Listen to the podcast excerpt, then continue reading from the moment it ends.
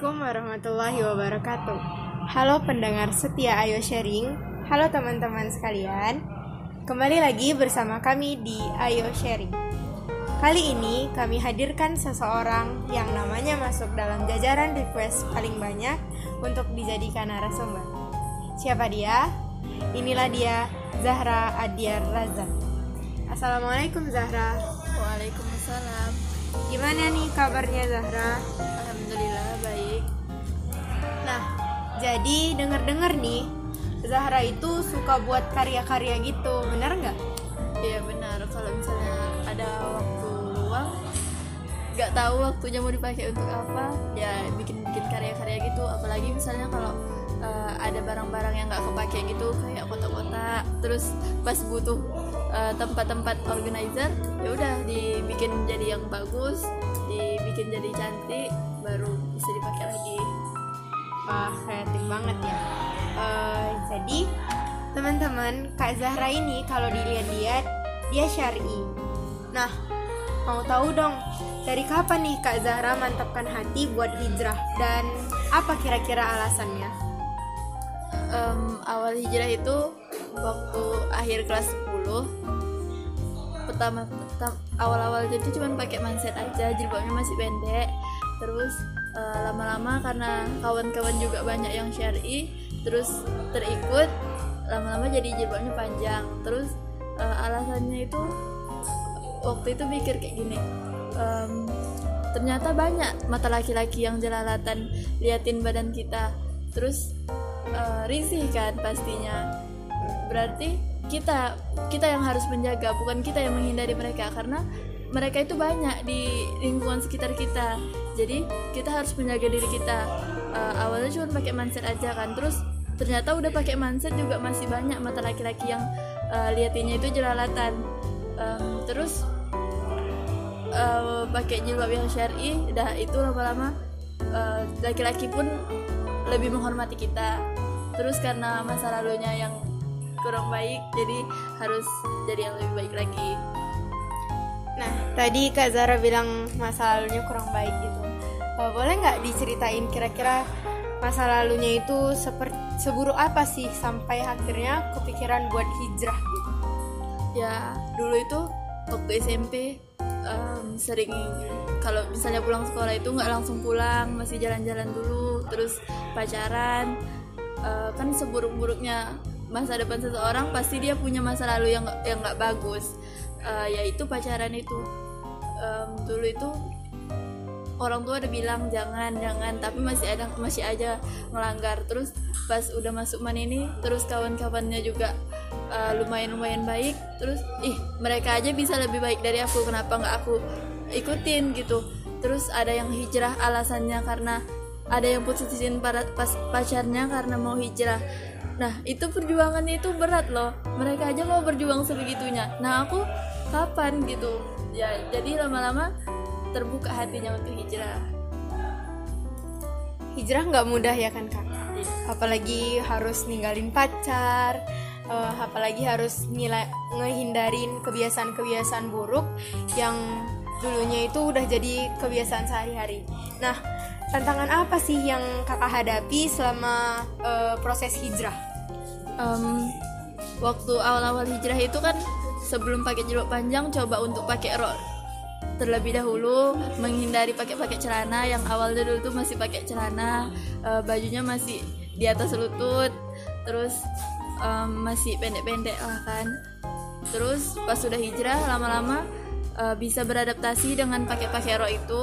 Ke mana-mana pakai rok terus lama-lama kan jilbabnya panjang terus eh, pas udah eh, bisa dibilang udah beradaptasi nah ngelihat keluarga-keluarga saudara-saudara juga ada kawan-kawan yang masih belum hijrah. Mereka masih pakai pakai celana terus pa- ternyata ih aku pengen lah kayak gitu lagi. Terus ternya- setelah pengen itu nggak tahu kenapa tiba-tiba kalau misalnya buka Instagram atau buka YouTube eh, ada ceramah-ceramah singkat gitu. Terus ih ternyata itu nggak bagus. Em, ya itu mungkin hidayah, hidayah juga dari Allah eh, bahwa kita itu harus istiqomah Eh, kita udah ambil keputusan yang kayak gini jadi kita harus em, harus terusin keputusan kita ini. Nggak boleh se setengah-setengah. Eh, jadi tantangan terbesarnya apa tuh kak?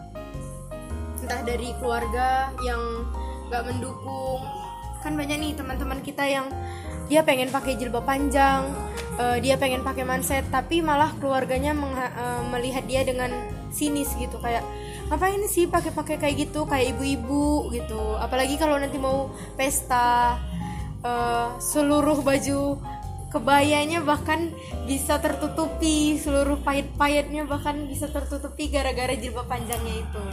Ada nggak yang kakak rasain eh, tantangan kayak gitu? Ya itu pastinya ada. Apalagi ada keluarga yang bilang kayak gini "Em, ih udah syari ya sekarang. Oh alhamdulillah lah. Eh, mudah-mudahan nanti nggak sampai bercadar.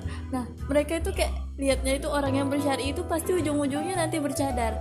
Dah terus em, pasti mereka lihatnya ih fanatik kali sih ini kok sampai-sampai bercadar. Padahal kan nggak kayak gitu sebetulnya.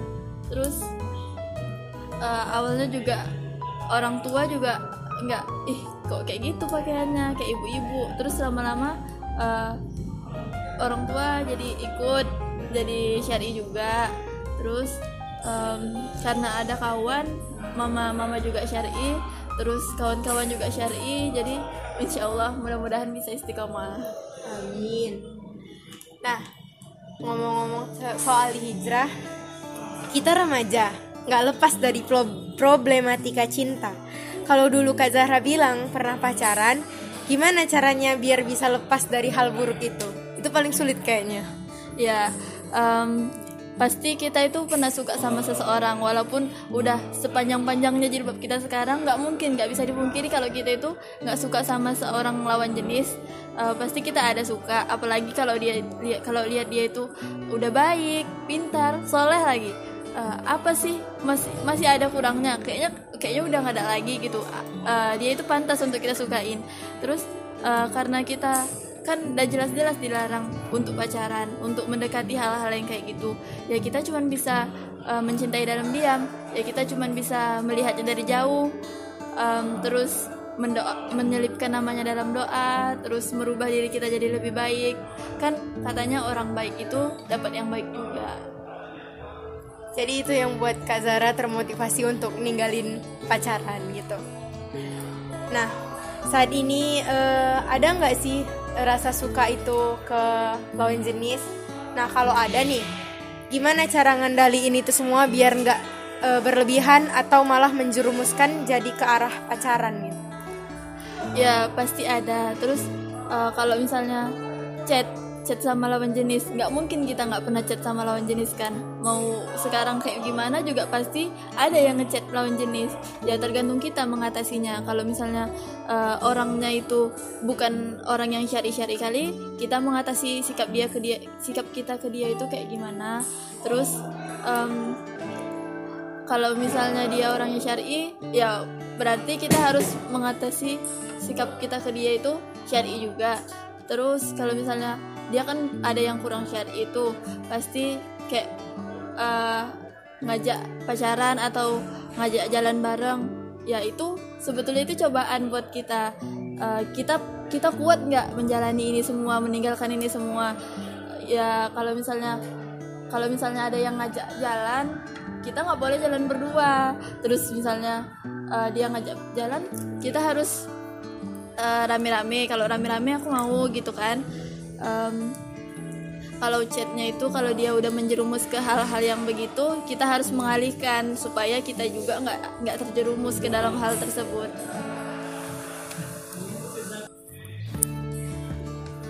Nah, untuk sekarang di saat-saat kita eh, kelas 12 ini kita bakal ngadepin ujian-ujian yang banyak sekali. Eh, kayak sekarang ini aja kita lagi ngadepin ujian yang bertubi-tubi gitu kan. Jadi gimana caranya biar kita nggak mikirin terus orang yang eh, kita sukai gitu. Kayak tadi Kak Zara bilang kan kita nggak mungkin nggak suka sama orang saat ini gitu. Gimana cara mengalir menyalurkan perasaan itu? ya kalau menurut saya kita cuma cukup melihatnya dari jauh terus mendoakannya. Nah tergantung kita kan mengatasi perasaan kita itu gimana. Kalau kita ngelihat dia itu jadi motivasi seharusnya sih kita menjadikan dia itu motivasi. Uh, kalau misalnya dia pintar ih dia aja pintar. Masa aku nggak bisa lebih pintar dari dia? Nanti kalau misalnya aku bodoh malulah dilihat sama dia. Terus uh, misalnya nanti kalau uh, ada perankingan ranking aku di bawah-bawah terus pas di pas dia tahu ranking aku di bawah-bawah apa nggak malu? Ya itu itu jadi salah satu motivasi kita untuk sekolah untuk belajar lebih bagus lagi untuk menjawab soal-soal ujian lebih bagus. Itu aja sih. Berarti kita harus cari yang positifnya gitu ya. Iya. nah terakhir nih. Jadi dalam pandangan Kak Zahra sebenarnya cinta itu seperti apa sih? Dan bagaimana cinta yang seharusnya? Uh, menurut saya cinta itu perasaan perbuatan uh, yang baik untuk orang yang kita sayang. Dan cinta itu nggak nggak seharusnya itu nggak melulu tentang dia tentang lawan jenis. Dan cinta itu bisa kita salurkan ke orang tua kita ke orang-orang terdekat kita. Um, terus kalau kalau menyalurkan uh, rasa cinta kita ke dia itu ya itu tadi kita harus um, cintai dia dalam diam daripada kita seharusnya mencintai dia dalam mencintai dia dalam diam daripada kita cinta tapi didiamkan. Maka di akhir dapat saya simpulkan bahwa cinta itu perasaan, perbuatan yang baik untuk orang yang kita sayang. Cinta nggak melulu tentang si dia lawan jenis kita, tapi cinta tentang siapa pun orang yang kita sayang dan yang pastinya menyayangi kita. Untuk kamu yang saat ini sedang dilanda masalah perasaan, juga sedang terjebak dalam kisah tinggal meninggalkan, tenang. Dia pergi mungkin untuk kembali, atau dia pergi juga mungkin untuk diganti dengan yang lebih baik lagi. Jangan resah, karena apa pun yang ditakdirkan untukmu tidak akan melewatkanmu, dan apa pun yang melewatkanmu tidak ditakdirkan untukmu. Saya Jelita Dwi Septia, inilah Ayo Sharing.